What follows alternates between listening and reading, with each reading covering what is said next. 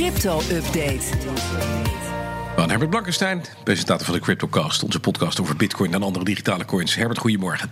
Goedemorgen, Bas. De Eerste Kamer heeft gisteravond een nieuwe anti-witwaswet voor cryptovaluta aangenomen. De implementatiewet wijziging via de anti-witwasrichtlijn. Mooi Ja. naam. Wat staat erin? Heel kort. Mondvol.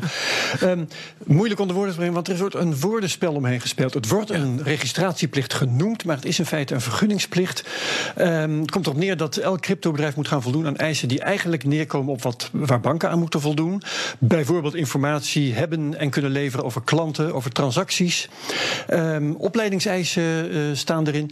En de kosten van het toezicht die zijn zo hoog, minstens 34.000 euro per jaar per bedrijf, dat verschillende kleine cryptobedrijven zich al hebben laten overnemen. En dat is een effect daarvoor was gewaarschuwd dat dit het klimaat voor kleine innovatieve bedrijven gaat bederven. Ja, vergunningsplicht, registratieplicht. Is dat een belangrijk onderscheid eigenlijk? Ja, dat is het, want een vergunningsplicht gaat verder dan wat de Europese richtlijn eist. Ja. De Raad van State heeft gezegd dat het geen vergunningsplicht mag worden. En daarom wil minister Hoekstra absoluut niet dat het zo heet. En ontkent hij dat zijn wet in strijd is met het advies van de Raad van State.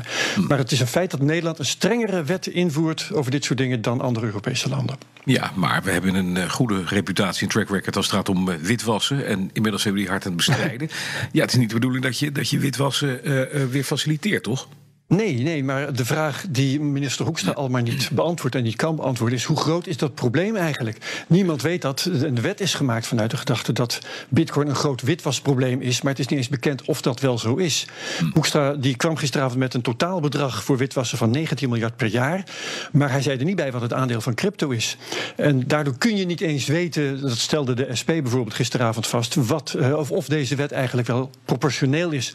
Senator Otter kwam nog met een onderzoek waaruit blijkt dat 1% van de cryptotransacties verdacht is.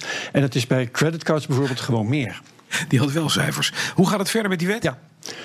Nou, die treedt nu in werking. Eh, dus een Nederlandse crypto. In juli volgend jaar komt een evaluatie of die wet wel bereikt wat hij moet bereiken. Maar hoe je dat kunt weten als je nu niet eens weet hoe groot het probleem is, dat weet niemand. En het kwaad kan dan al zijn geschied. Want veelbelovende bedrijven gaan vertrekken naar Malta of Estland of Panama. En een van de parels van de bitcoin-economie, Deribit, grootste bitcoin-optiebeurs ter wereld, is honderden miljoenen waard, is al verhuisd van Amsterdam naar Panama. Dus als jij volgende keer afvraagt waarom er nooit een dominant internetbedrijf uit Nederland komt, dan moet je eens aan Deribit denken. Ehm, en er zijn er nog deskundige waarnemers die verwachten dat de Europese rechter Hoekstra gaat terugfluiten omdat deze wet te streng is. Maar dat kan natuurlijk alleen als hij eerst in werking treedt. Mm, Wat er gaat gebeuren. Even naar de CryptoCast morgen. Wat ga je doen?